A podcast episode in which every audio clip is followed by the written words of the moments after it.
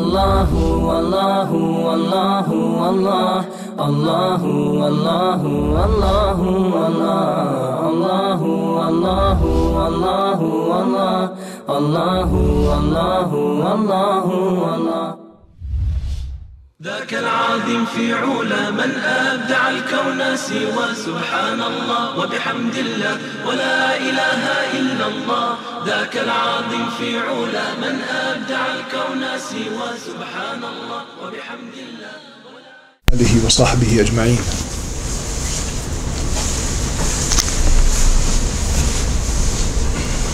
Imam Buharija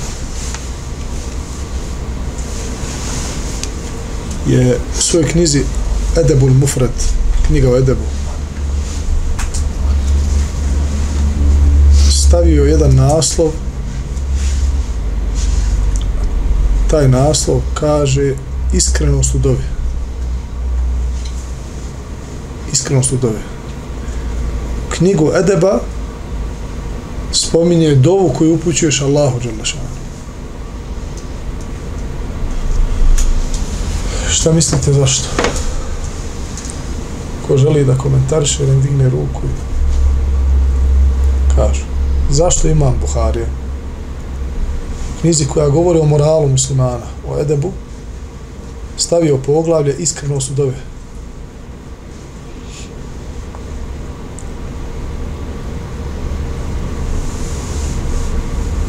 Kakva je spona između edeba i morala između dove? Ko zna? Iskren odnos prema drugim muslimanima. Prema Allahu. To je, jest, prema drugim muslimanima, to smo već govorili.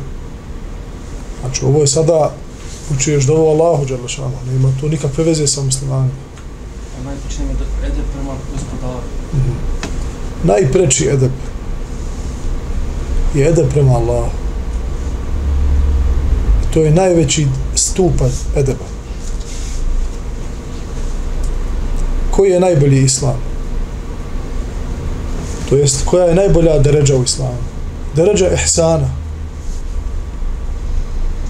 A ihsan je, koja je definicija ihsana? Koja je došla u hadisu od Džibrila. Ko se sjeća? Onaj koji čisti svoje srce. Definicija ihsana je onaj koji čisti svoje srce.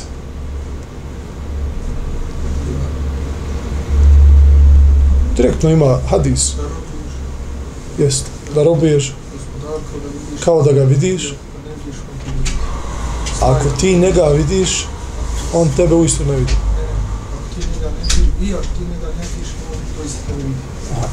Dobro.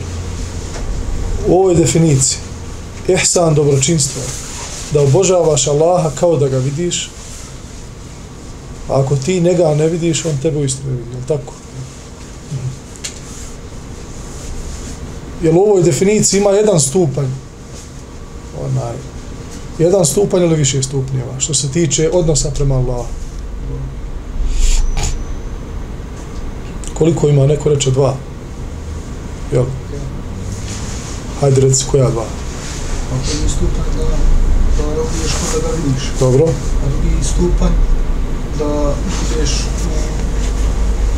u Murakabi, znači da e, naspram Allaha, da ako ne možeš da postigneš stepen, da obožavaš Allaha kao da ga vidiš, onda makar budi u okviru ihsana da obožavaš Allaha vjerovanjem i ubjeđenjem da on tebe vidi. U ovoj definiciji ihsana imaju dva stupnja. Prvi je stupanj, onaj stupanj o kojoj Ali, Ali radijallahu anhu je govorio. I on je tu nama rekao da je on bio na tom stupu, ihsana. Kada je izjavio, kada bi se, kaže, otvorila nebesa i kada bi vidio Allaha, to mi ne bi povećalo moj iman. Zašto? Zato što je već Alija obožavao Allaha kao da ga vidi. Na tom je stupnju imana bio. I to je vrhunac ihsana, iza toga nema. Nema drugog stupnja. Pa ako ne možeš tako, a mnogi ne mogu, onda budi u stepenu ihsana, drugom stepenu ihsana, da obožavaš Allaha, iako ti njega ne vidiš, kao da on tebe vidi. To jest, on tebe vidi i posmatra tvoje postupke. Pa kad kreneš da nešto uradiš loše, da se sjetiš da te Allah u tom trenutku posmatra. I ako se nađeš u situaciji u kojoj se odrekneš nekog harama ili postupiš nešto u skladu sa šarijatom, a pri tome imaš u sebi ubjeđenje da to radiš zbog toga što te tvoj gospodar vidi ili da nešto ne radiš zbog toga što te tvoj gospodar vidi i gleda i posmatra, znaj da si u tom momentu na deređi ihsana. Znaj da si u tom momentu šta? Na deređi ihsana. Tako da je najuzvišeniji edeb, najbolji edeb, onaj edeb koji čovjek ima naspram svog gospodara. Pa između ostalo kada je u pitanju šta? Dova. Prvo što je imam Buharija naveo jeste ovaj rivajet od Abdurrahmana ibn Jezida kazuje svakog petka Rabija je dolazio kod Elkame. Kod Elkame i ako ja ne bi bio tamo Abdurrahman ibn Jezid onda bi poslao nekog po mene. Jednom sreto Alkamu, pa mi reče, jesi li čuo šta je rekao Rabija? Kaže, vidiš li ti koliko ljudi Allahu upućuju dove, a toliko malo ih se uslišava. A to je zbog toga što Allah prima samo iskrene dove.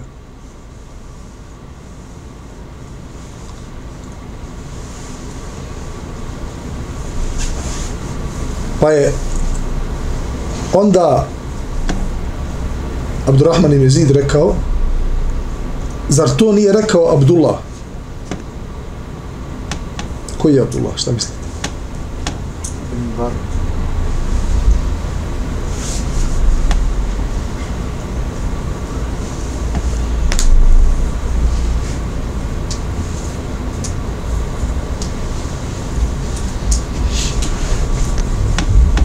Jedan Abdullaha ashaba. Abdullah ibn Amr. Abdullah ibn Amr.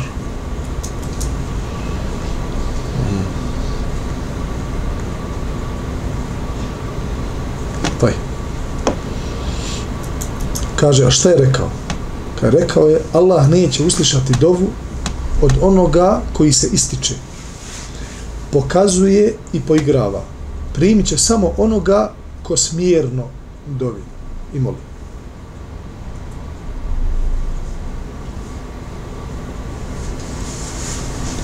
To jeste, Allah neće primiti onu dovu u kojoj čovjek nije prisutan svojim srcem.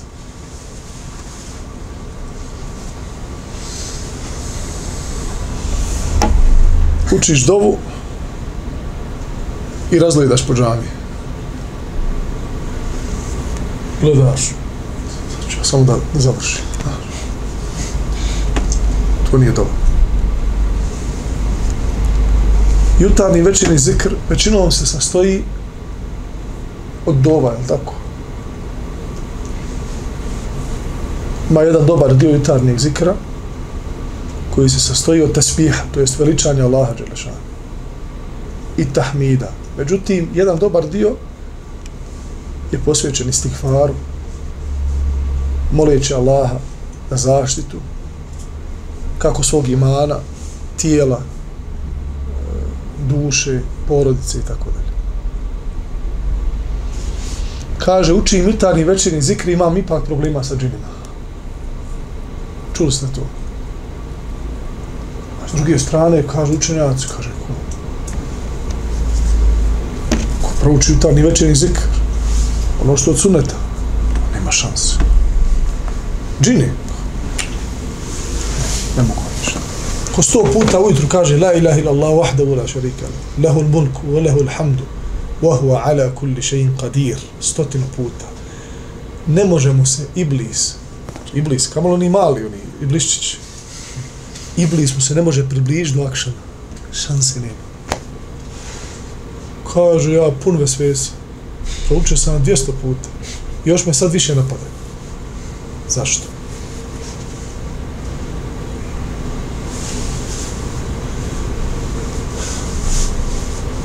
onoliko koliko je čovjek pribran svojim srcem kad uči jutarnji večer zikr, kad uči dov, toliko će imati korist od toga.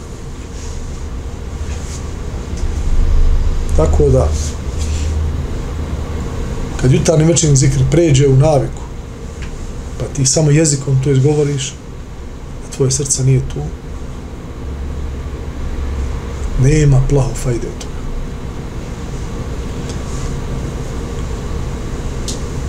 u hadisu koji je vjerodostan kaže poslanik sallallahu alejhi ve sellem doći će vrijeme kada će se spasti samo oni koji budu doveli poput dove utopljenika čovjek se guši u vodi potapa se i u tom trenutku dovi Allahu da mu dadne izlaz, da ga ostavi živo kako on dovi?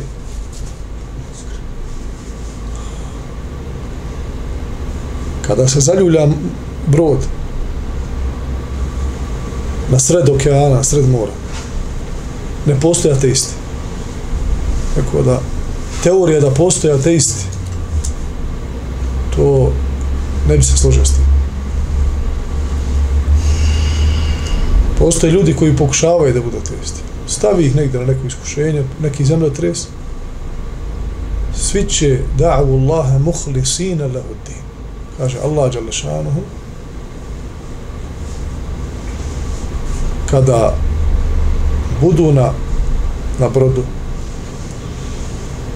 i kada Allah pošali vjetar mora se uzburka dove Allahu iskreno ispovjedajući njemu vjeru ko? Allah govori o nevjernicima govori u ovom ajetu o vjernicima onima ko, koji su Allahu Đalešanu pripisali druga.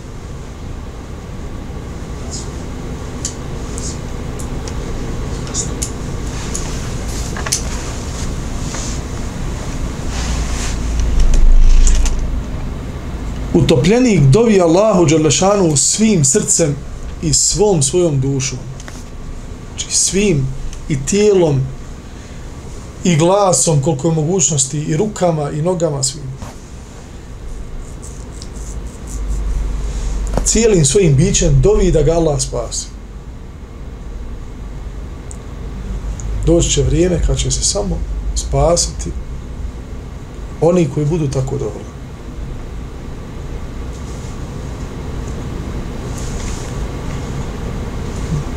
Što znači dok doviš, ako želiš da se Allah Želešanuhu odaziva na tvoju dovu, onda budi prisutan u tvoj dovi.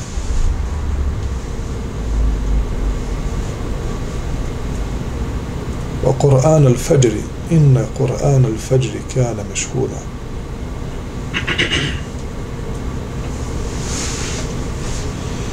najbolji, najbolje vrijeme za dovu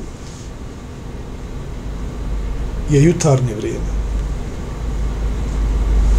Iz više razloga. Jedan od razloga zbog čega je jutrom najbolje dobiti Allahu Đerdašanuhu je zato što te drugi ljudi ostavili su na miru nema onih pazi ti kad si ovamo negdje oko podne ti je vas da u posvijesti pogotovo ako imaš taj neki radni dan onaj ako imaš taj neki svoj ritam života ti očekuješ neki poziv očekuješ da te neko za nešto pita očekuješ da da ćeš dobiti ne znam ja e, novi zadatak da, da uradiš nešto da treba nešto porodci, da treba nešto nekome ujutru četiri, u pet, šest prije, kasnije, ti si slobodan. Niko te tada ne uznemirava. Kad ste zadnji put dobili poziv u šest ujutru? Ili u pet? Pozivi se dobijaju sad neka. Sad pa do jedno devet, deset. Neko i kasnije zove. I preko dana. Ali ujutru u šest, da te neko nazove, to je, odmah se javlja, nešto nije u redu nećete niko onako nazvat šest, ujutru treći, ja babu, šta ima, ja sam spavao, dobar, kakav sam. Rijetko. Možda ako su dvojica mladića, onaj, studenta, porodični ljudi, nećete nazvati to. Ako su oni ahbabi tamo, cimeri, možda se jedan drugo okrenu u, u ta doba. Ali inače ljudi ne zovu ta doba. Tada se iskoristava vrijeme.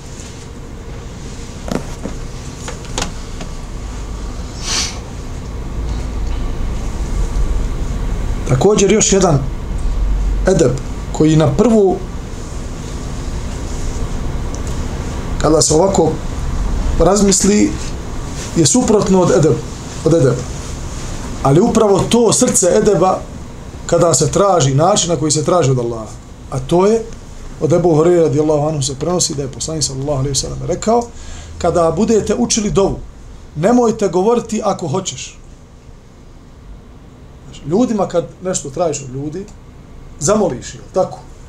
Pokušaš da izbjegneš bilo kakav imperativ kad od koga nešto tražiš. Ne bilo ti zapoviđeno da živi bio samo dodaj to.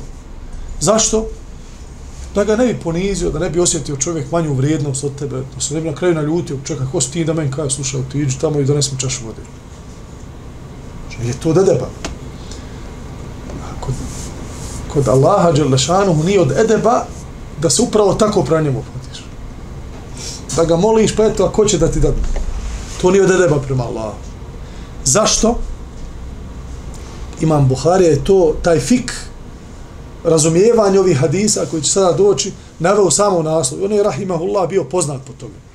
Pored toga što je bio najveći muhaddis svih vremena, bio je feki. Pa je često u svojim naslovima znao da dešifruje određene hadise. Da ti dadne fiksko poglavlje, da ti shvatiš o čemu ti hadisi govore i šta želi da se kaže. Pa imam Buharija navodi u svome naslovu i kaže neka se odlučno moli to jeste onaj koji hoće da od Allaha nešto traži neka to odlučno radi jer Allaha niko ne može ni na što prisiliti. Kad ti imperativom kažeš gospodaru daj mi to i to to je imperativ. I ne kažeš pa eto ako može i kako eto meni bilo svima dobro pa imen na kraju. Ne, pa kaže, gospodaru, daj mi to. Gospoda, tražim to od tebe. Znači, u vidu imperativa. Zašto tako? Kaže, zato što u osnovi, znači, to je nepojmljivo da ti u tom momentu kada si skružen, kada Allah doviš, da ti Allah nešto naređuješ, da ti Allah prisiljavaš na nešto. Gospodara svjetova. Sve moguće. Vlasnika nebesa i zemlje svega što postoji, vidljivog i nevidljivog. Kako ćeš ti njega prisiliti na nešto? Ne možeš ga prisiliti. Ali Allah voli da se tako njega traži.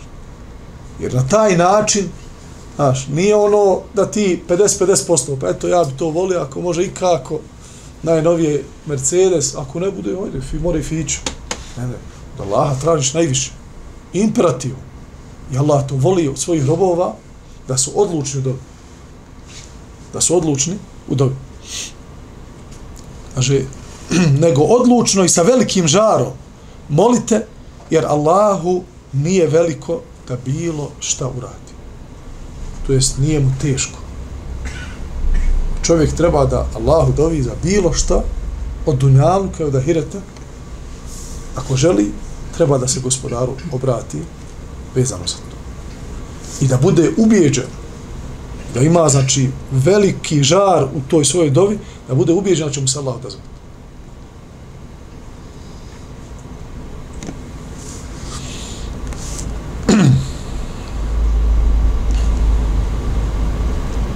Podizanje ruku prilikom učine dove.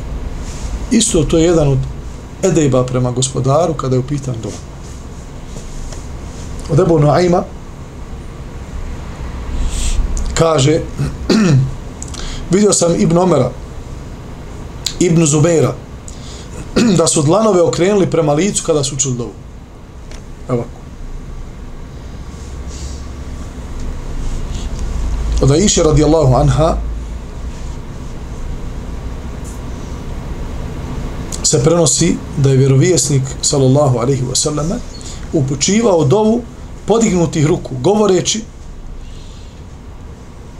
Aisha radijallahu anha ovde prenosi jednu od njegovih dova, alihi salatu wasalam.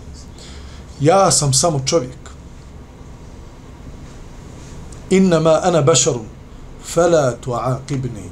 Nemoj me gospodaru kazniti. أيما رجل من المؤمنين آذيته أو شتمته فلا تعاقبني فيه gospodar ako sam kojeg vjernika povrijedio ili izgrdio nemoj me zbog toga kazniti Pogledajte fika Aisha radijallahu anha.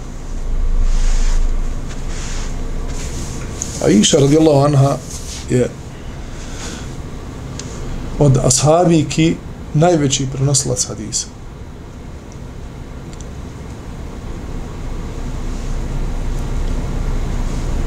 I bez imalo sumlje. Znala je, ako ne sve, sigurno, apsolutnu većinu kapitalnih dova Allahov poslanika.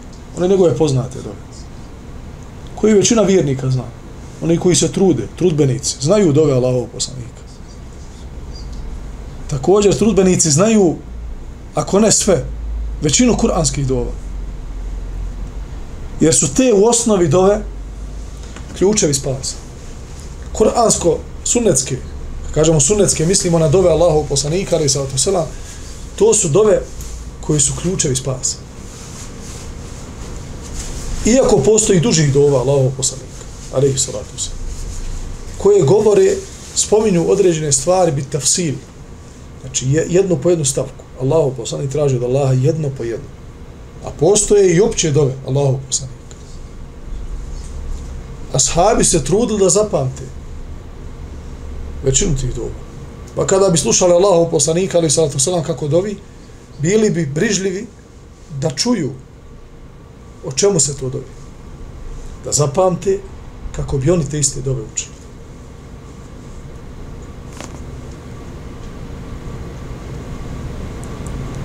Pa se zna zasigurno, na primjer, da ashabi poput Muad ibn Džebela i ostali ashaba koji stalno bili, stalno bili uz Allahu poslanika, ali sallatu selam, da su znali te dobe. I da su Allaha Đelešanuhu prizivali sa tim kuransko-hadijskim, to jest poslaničkim dobama. Jedan od ashaba je pokušao da priđe Allahom poslaniku i da čuje od njega dove kako bi zapamtio. I ne samo poslanika, nego i drugi ashaba koji su bili bliski uz Allahov poslanika. alaihi salatu se. Pa mu to nišlo za ruku. Pa onako nezadovoljan prišao Allahom poslanik, kažemo Allahom poslaniče. Kaže, ja ne znam, ne mogu da zapamtim ono što šapućete ti i Muaz, misleći na Muaz ibn Džebela, radijallahu anhu. Walakinni as'alu Allah al-jannah wa a'udhu bihi minan nar. Ali kaže, ja stalno dovim Allahu za dvije stvari. Da me uvede u džennet i da me sačuva vatre. Znači, ja ne znam šta vi šapućete, znaš. Vi nešto mnogo to učite, stalno različite dove. Ali ja znam ovu dobu. Kaže Allah, poslanik sallallahu alaihi sallam, i ja i Muaz šapućemo oko tog dvoga. I mi se vrtimo oko toga.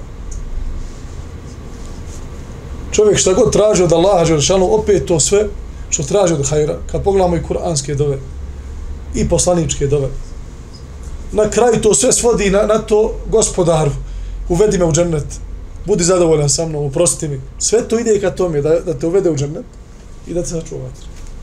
Šta god da dobi. Ali Aisha radijallahu anha ima fik.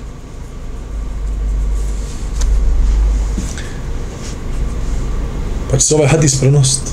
I prenosi se. I ovo prenosi se nakon skoro 15 vijeku. Da je Allahov poslanik, ali i salatu wasalam, koga je Allah odgojio, Allah svjedoči. Allah svjedoči samo istinom. Wa innaka la'ala khuluqin azim. Ti si o Muhammede veličanstvenog morala. Opet Allah poslanik dovi Allahu dželle da ako je nekog vjernika povrijedio, izgrdio, ako je nekom, nekome po- povrijedio njegov osjećaj, gospodo, nemoj mi kazniti zbog toga. Oprosti mi. Bitnost, znači, Aisha Radilana anha ovde podlači bitnost međuljudskih odnosa. I koliko je kod Allaha Đalešanomu teško i krupno i koliko je opasan taj grije da čovjek uzme sebi za metu druge vjernike i da je zijeti. Ne treba čovjeku više zla u njegovom životu. Kada bi ovamo s druge strane bio onaj ko posti Davuda u post, a ovo odgovorno tvrdim i snosim punu odgovornost pred Allahom za ovo što govorim. Kada bi postio Davuda u post svaka tri dana činio hatmu, a noću spavao, ne spavao illa kalila, znači samo malo noću spavao, a svo vrijeme provodio između jacije i sabaha na kijamu plakajući. Ali preko dana ezijetio muslimane i muslimani ne bi bili sačuvani njegovog jezika i njegove ruku, to bi mu bilo dovoljno zla da na sudnjemu dane bude od onih koji su propali. Ja ovo odgovorno tvrdim. I svega onoga što sam naučio da Allaha i takav jedan čovjek, bilo bi mu dovoljno zna, zla da propadne na sudnjemu danu, da bude mir al-hasirin, zbog toga što muslimani nisu sigurni njegovog jezika i njegove ruku.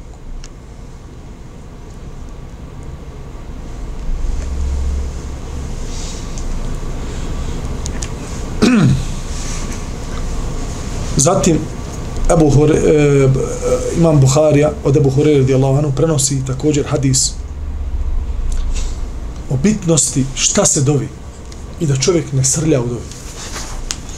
Čak i prema onome ko se okreće, čak i onome ko odbija istinu, čak i onome ko je neprijatelj istine, Ču, gledajte šta dovite u datom trenutku.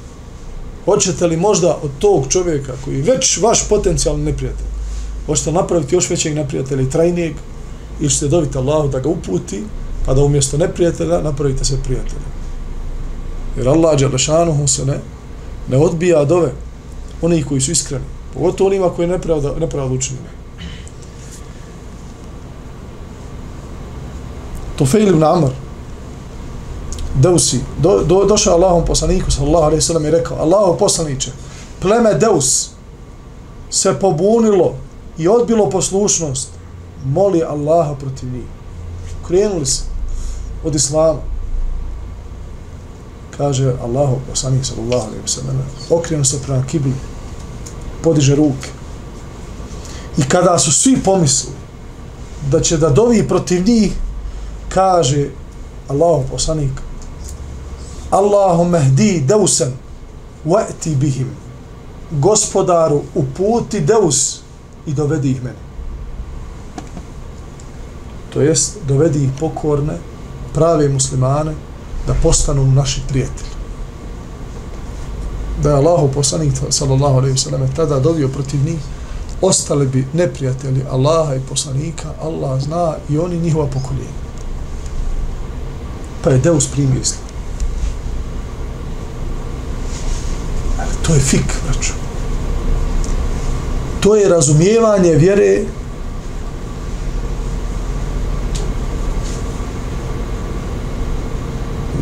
na duže staze. To je razumijevanje prioriteta. Šta je nama prioritet? Je nama prioritet jesmo li mi kao muslimani, kao umet islama dobili naređenje da ljudima dokažemo da su na krivome putu i da ih tako, da im tako podijelimo karte biznis klasa za džehennem. Je to naš posao? Ili je naš posao da prenosimo istinu. Ne bi li se neko uputio? Bellihu anni walau aje. Kaže sallallahu alaihi wa sallam. Prenesite od mene makar jedan ajet. To jest, upoznajete ljude sa mnom. Poznajte ljude sa mojim životom. Ko sam bio ja? Šta sam radio? Koja je bila moja misija? Šta mi je objavljeno? Ne bi li me ljudi zavoljeli? ne bili povjerovali u mene. kažu današnji, današnji psiholozi, da nije moguće voljeti nešto što ne vidiš. Lažu Allah. Vjernicima nema ništa draže od stvorenja od Allahov poslanika, alaihi salatu wasalam. I to Allahov poslanika, alaihi salatu wasalam, spominje ashabima, kada spominje svoju braću, poznat hadis. Kaže, spominje svoju braću pa kaže Allahu poslaniče, jesmo to mi, kaže, ne vi ste moji ashabi. a moja braća su oni koji će doći posle mene, neće me vidjeti. Da se nekom od njih ponudi da me vidi, a da cijena toga bude njegov imetak, njegova porodca, njegov život, oni bi to učinili. Koja je to ljubav? Tako da od te definicije nema ništa.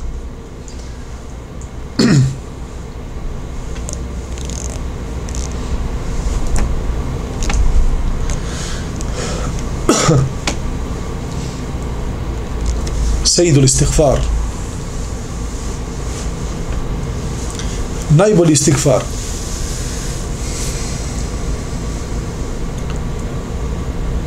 Nije, braću moja, nikad bio problem da li ljudi nešto znaju ili ne znaju. Problem je da li je srce živo ili nije živo. Tu leži problem. Danas se mnogo zna ali Allah zna koliko se praktikuje.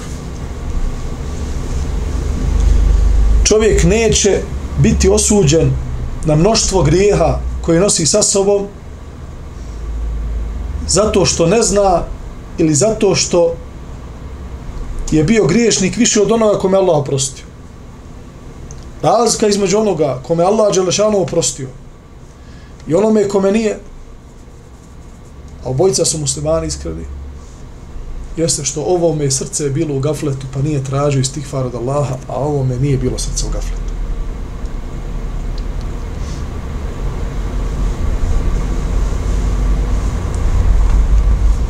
Od Šedada ibn Eusa se prenosi da Allah poslanik sallallahu alaihi wa sallame rekao znači podučavao bi ashabe ovom zikru upravo zbog važnosti istog Pa je rekao, Allahum anta rabbi la ilaha illa anta khalaqtani wa ana abduke wa ana ala ahdike wa wa'adike ma ila ahiri do kraja. Poznat jutarni zikr i večerni zikr. Pa u drugom hadisu od Ibn Omer radijallahu anhu prenosi se vjerodostojno u sahihu kod Buharije kaže brojali smo na jednom sjelu da Allahu poslanik sallallahu alejhi ve sellem govori rabbi gfirli wa tub alayya innaka anta at-tawwabur rahim. Na jednom sjelu dok sjedi sa sahabima dok pričaju dok se savjetuju dok borave zajedno sa Allahom poslanikom kaže po stotinu puta. Sallallahu alejhi ve sellem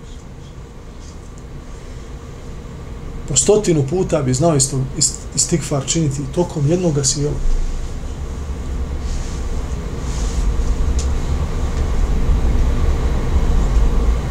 Allah mu je oprostio i ono što je bilo i ono što će biti. Znači kada mu je dao poslanicu, oprostio mu je prijašnje grije prije poslanice i rekao mu je o Muhammede i oprostit ću ti ono što ćeš učiniti nakon objavi ovih ajeta. Sur Fetah.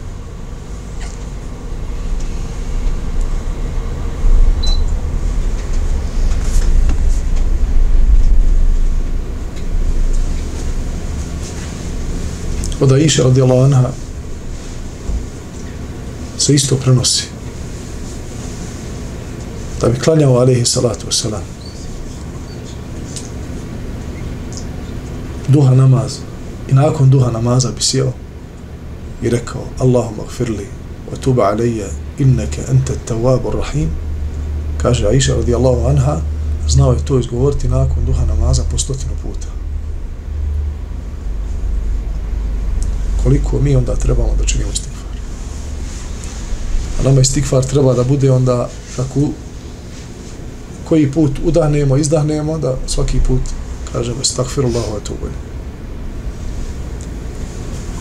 Ali Allah milostivi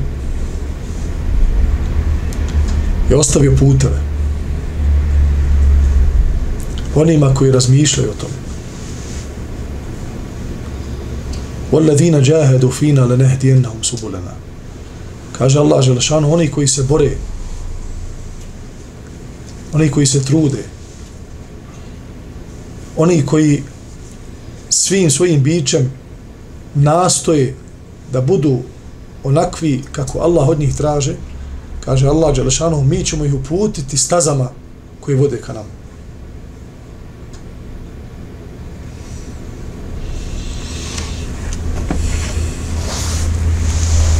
Čovjek dnevno može da čini istikfar onoliko puta da ne postoji danas prava koja može izračunati broj njegovih istikfara. Samo treba da razmisli na koji način.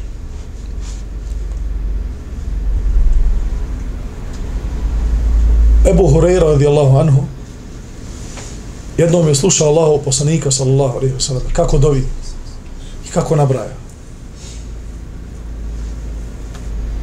Allahu poslanik, ali sa to nabraja, daj mi ovo, zaštiti me od ovoga, daj mi ovo, zaštiti me od ovoga. Je Buhurira je šutio i slušao. Kad je Allahu poslanik, sallallahu alaihi wa sallam, završio dovu, Ebu Hurera kaže, amin gospodaru, usliši ovo i mene isto, znači od ovih dova, znači sve ovo što je Allah poslanik sa Seleme proučio,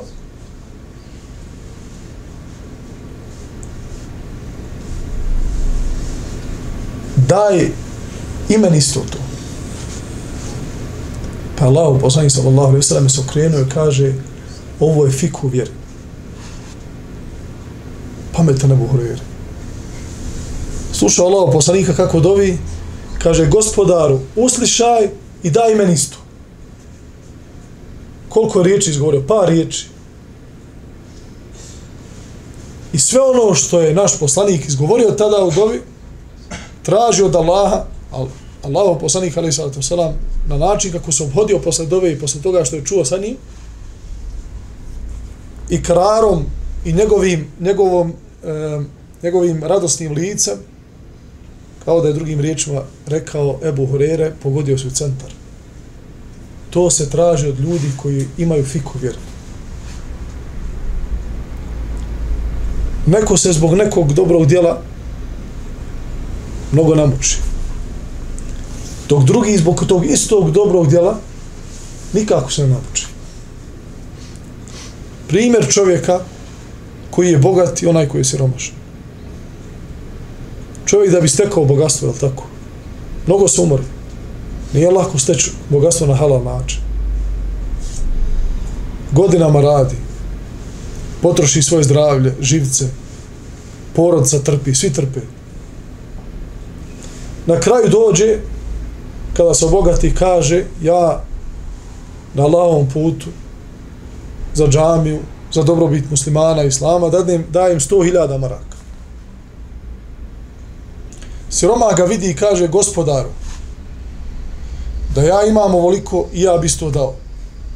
Pa evo imam iskren nijet i ja bi dao znači da ima kao ovaj čovjek. I ne mora to niko čuti mimo Allaha doće na sudnjemu danu, obojica će imati istu nagradu. Pa kako to? Lijepo. To je Allahova milost. I taj možda što je dao sto hiljada, pogleda nekoga koji je dao već milion. Još bogatiji od njega. Dao milion. Kaže gospod da ima milion i ja bi ga dao. On će isto doći. Taj što je dao sto hiljada, doći na sudnjemu danu, kao da je dao milion i sto hiljada.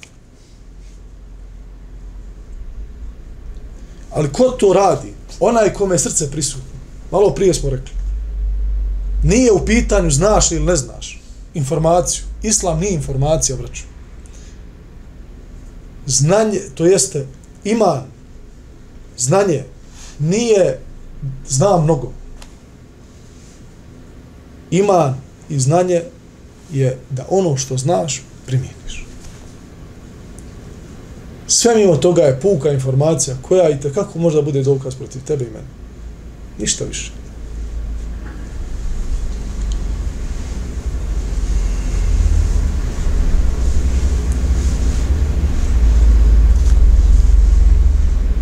Pa čovjek osvane ujutru kaže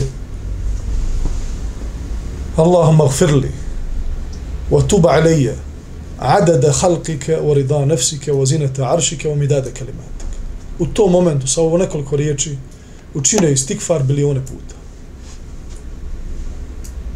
Prekucu. Jer je dobio Allahu da mu oprosti onoliko puta koliko ima stvorenja, stvorenja na, na, na zemlji. Onoliko koliko ima Allahovi riječi. Onako kako ukrašen arš. I onako kako je Allah zadovoljio. To je fiku vjeri. Zna onaj ko zna, sjeti se onaj ko sjeti, a ne sjeti se onaj ko se ne sjeti. Jedno od stvari koje grijesi rade čovjeku mimo Allahove sržbe jeste zato što što grijesi bilo kakav da je grije mali ili veliki stavljaju crnu tačku na srce ta crna tačka utiče na prisutnost srca Pa kada se čini dobra djela. Sve što je više grijeha sve je srce neznatnije u prisutnosti u prisustvu. Kaže Allah poslanik alaih sallatu wasalam sve dok to srce ne postane obijeno, obavijeno crn, crnilo poput ove jakne totalno crno kaže kada postane takvo zamre. Nema više od njega ništa činio bi ti dobro djelo nemaš osjećaja za njega ne uviđaš potrebu da ga činiš tvoja veza sa Allahom se promijenila. Šta je u pitanju? Jel to sad manje znaš nego što si znao? Ne, naprotiv, možda i više znaš. Ali Allah Đelešanu opisuje to stanje فَطَالَ عَلَيْهِمُ الْأَمَدُ فَقَسَتْ قُلُوبُهُمْ Nisu se čistili. Odeš danas u radnju, kupiš novu odjeću, novu trenerku. Nema miršina, novo, blista, sve. Obuci je i nosi je dvije sedmice, tri nemoj skidat. Znači, Čemo biti nakon tri sedmice koji ne budeš pravo i održavao što se desilo. Ima da se usmrdi, ima da promijeni boju i dalje tako dalje. Ako je tako s odjeće, tako i sa srca.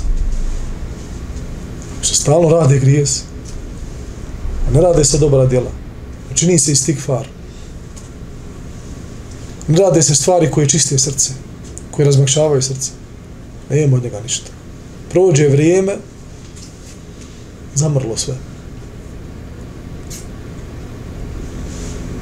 I onda napali džini, 50 maraka onom džinologu, 50 onome, ajmo hodaj po svijetu, tavaf čini po Bosni i po Hercegovini.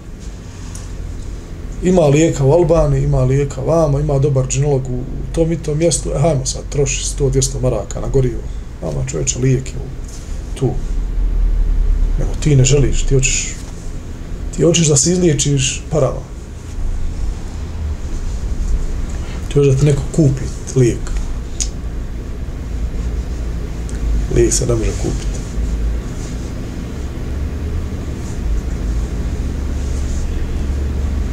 Kad vidiš duboko da kad vidiš duboko, vidjet ćete da je problem samo u nama. nema problema, neko je namjestio, neko je napravio. Problem je u nama, vjerujte. Ako želimo istinski da se izliječimo, prije od toga, lijek je kod nas tu. Ali, ima nešto preče. Pa dobro, ako ima preče, onda kad te safataju, saburaju. Možete Allah i nagradi zbog toga.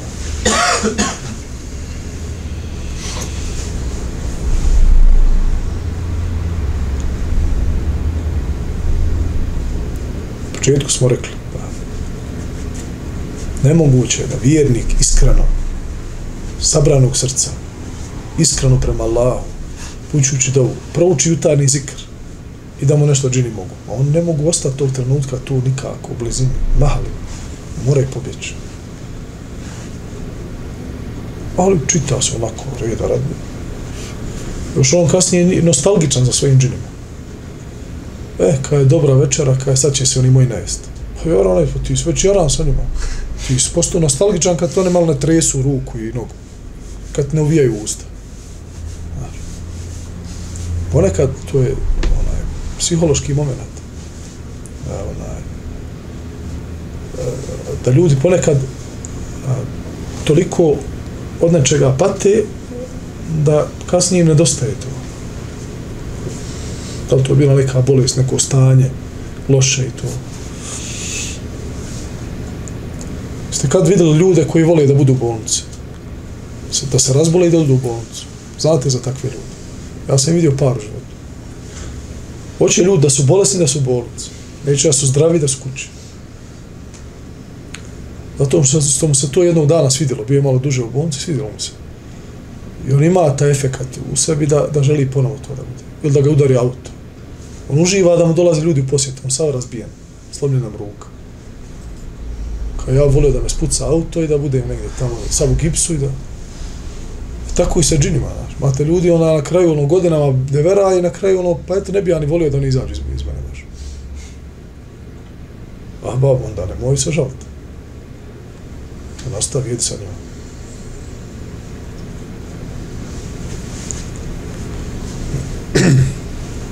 Zato treba ljudima govoriti o lijeku i upućivati na pravi put. Kao što kaže Allah Đalešanuhu Oma kana rabbuke muhlike al-qura bi zulmin wa ahluha muslihun. Gospodar tvoj nikada neće kazniti jedan narod zbog grijeha koji čine, sve dok u tom narodu postoje ljudi koji upućuju na istinu, koji popravljaju stanje. Nikada ne treba odustati od ljudi. Da ih upućuješ, da ih ispravljaš njihov način razmišljanja, pogleda na određene stvari, na vjeru, na dunjalog. Ne treba nikada odustati od toga. Pa i ako te ne posluša jedno, ponovo ga na savjet Pa drugi put, pa drugi put. To će vam dobro doći, ovi moji savjeti, kad budete imali svoju djecu. Djeca nekada neće od prve da posluša. Ali tvoj zadatak da šta? وَأْمُرْ أَهْلَكَ بِالصَّلَاةِ وَاسْطَبِرْ عَلَيْهَا Naređuj svojoj porodici namaz. Pogledajte koji izraz Allah Đelešanu koristi ovdje. وَاسْطَبِرْ Kaže وَاسْبِرْ وَاسْطَبِرْ عَلَيْهَا Stalno, konstantno budi strpljiv na tom putu. Pozivanja svoje porodice na namaz. Djeca nekad zaboravaju, nekad neće da klanjaju, nekad gledaju nešto na TV-u ili na polju su. Ti si taj koji će ih stalno reći isklanju podne, nisu, aj klanjaju. Hoću te ja 20 puta upozoravati? Hoćeš, 20 ja. Ti si babo, ti ću upozoravati. Pa šta, pa imaš nagradu za to Allah, ti se smilo. Pa zato jesi glava porodice. A ti samo da si glava porodice kad kaže ženi donesi onu kahvu i kolače. Ne može. Svaka privilegija nosi sa sobom obavezu. Jesi, pri, imaš privilegiju. Si glava kuće. Glava kuće se pita, jeste. I ona daje naredbe. I ona je iznad. Glava kuće isto ima obaveze. Treba da, da pazi, da bude blag, da bude mudar, da donese, da obskrbi, da, da, da, da skuplja, ne da rasipa. Koliko je moguće da drži sve na okupu. Najlakše je rasterati. Tako. Poput čovjeka koji je vođa u jednom narodu. Najlakše je rasterati. Znači, vi se me ne sviđate, vi nešto izvolijevate, vi sebi, ja sebi. Gubite se. Nema od vas ništa. To je najlakše. Hajde se strpi deset godina pa popravi stanje. Hajde popravi stanje. I ekonomski, i socijalno, i vjerski, i društveno, i infrastrukturno. Hajde popravi stanje. A, popravio se mašala, kaže, ovaj dobar. Pa jeste on dobar, ali znaš šta on potrošio živaca dok je to sve napravio. Sa narodom koji je osnovi takav kakav jest. Sad koliko je nas u ovoj sobi, svi mi imamo svoj neki način razmišljanja, neku, nekoj dubini kako bi trebalo sada ovo sve, znaš, oko nas. Zamislite koja, koja mudrost, koje znanje, koja vještina treba da, da čovjekom vlada i da čovjek njom vlada, da bi mogao te sve ljude sa različitim nekakvim pogledama okupiti oko nečega i reći im ljudi, hajde ovo uradimo, oni kaže, hajde, maša, bravo, svaka čast. To je, to je, to je vještina. Tako je sa kućom.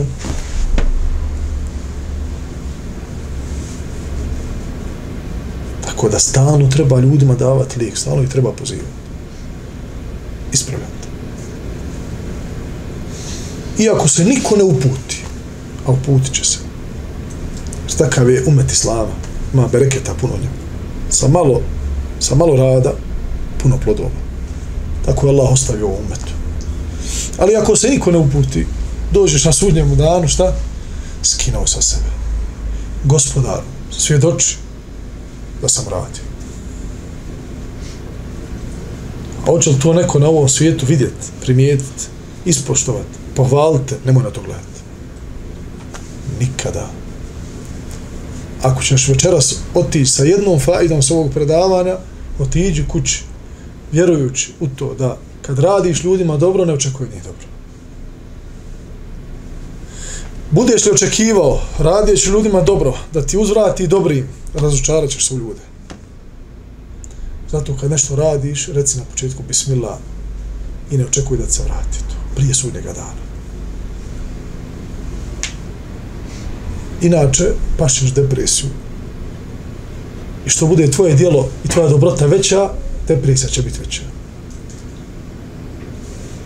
Zato nemoj to raditi nikada. Nikad to nemoj se dozvoliti. Šta god da, da, se desi, kako je Halid ibn Velid podnio ostavku sa mjesta glavnog komadanta kad mu je došlo. Šta kaže? Da sam se borio radi Omera, naljutio bi se. To Halid, a kad se Halid naljuti, ne, nije to mala stvar. Ali kaže, ja sam se borio radi Allaha, tako se ne ljuti. Tu je isplivala iskrenost Halidova. Da sve one njegove bitke nisu bile da se Halid kasnije kroz, kroz istoriju fali. Ne, ne, pora, ne poraženi vojskovođa. Nije. Allah ga preko mera iskušao. Da ostane spomen na njega do sudnjega dana da je iskren ratu u ime Allaha. Šta je dokaz? Jednostavno, dokaz 100%. Znači, kao što je kao što će sutra u podne, u 12, sunce biti na najvećem stepenu u ovom godišnjem dobu, onako kako, kako može sunce da, da, da dosegne sredinu neba, tako je jasno da je Halid bio iskren u svim svojim onaj, borbama. A to je kada je smijenjen sa mjesta ko, komadanta i postao u jednom trenutku, nakon pročitanog pisma koje je trajalo možda dvije minute, tri, postao obični vojnik kao svi drugi vojnici i nije se naljutio i nije odustao i otišao je u borbu, samo što su ashabi tada bili mudri, pa da ne bi opao moral muslimana, prekrivali su taj emar. Smijenjen je on, Ubada je preuzeo vojstvo, ali šta? Nije se nikome to govorilo od, od, od drugih muslimana. Da ne bi prije bitke rekli, o šta je pometnja, ovo ono, da se ne bi fitna napravila među sahabima, među muslimanima koji, se, koji su bili tu, tek nakon bitke ćemo joj reći. Ali ništa se nije naljutio. أقول قولي هذا واستغفر الله لي ولكم. سبحانك اللهم وبحمدك أشهد أن لا إله إلا أنت أستغفرك وأتوب إليك.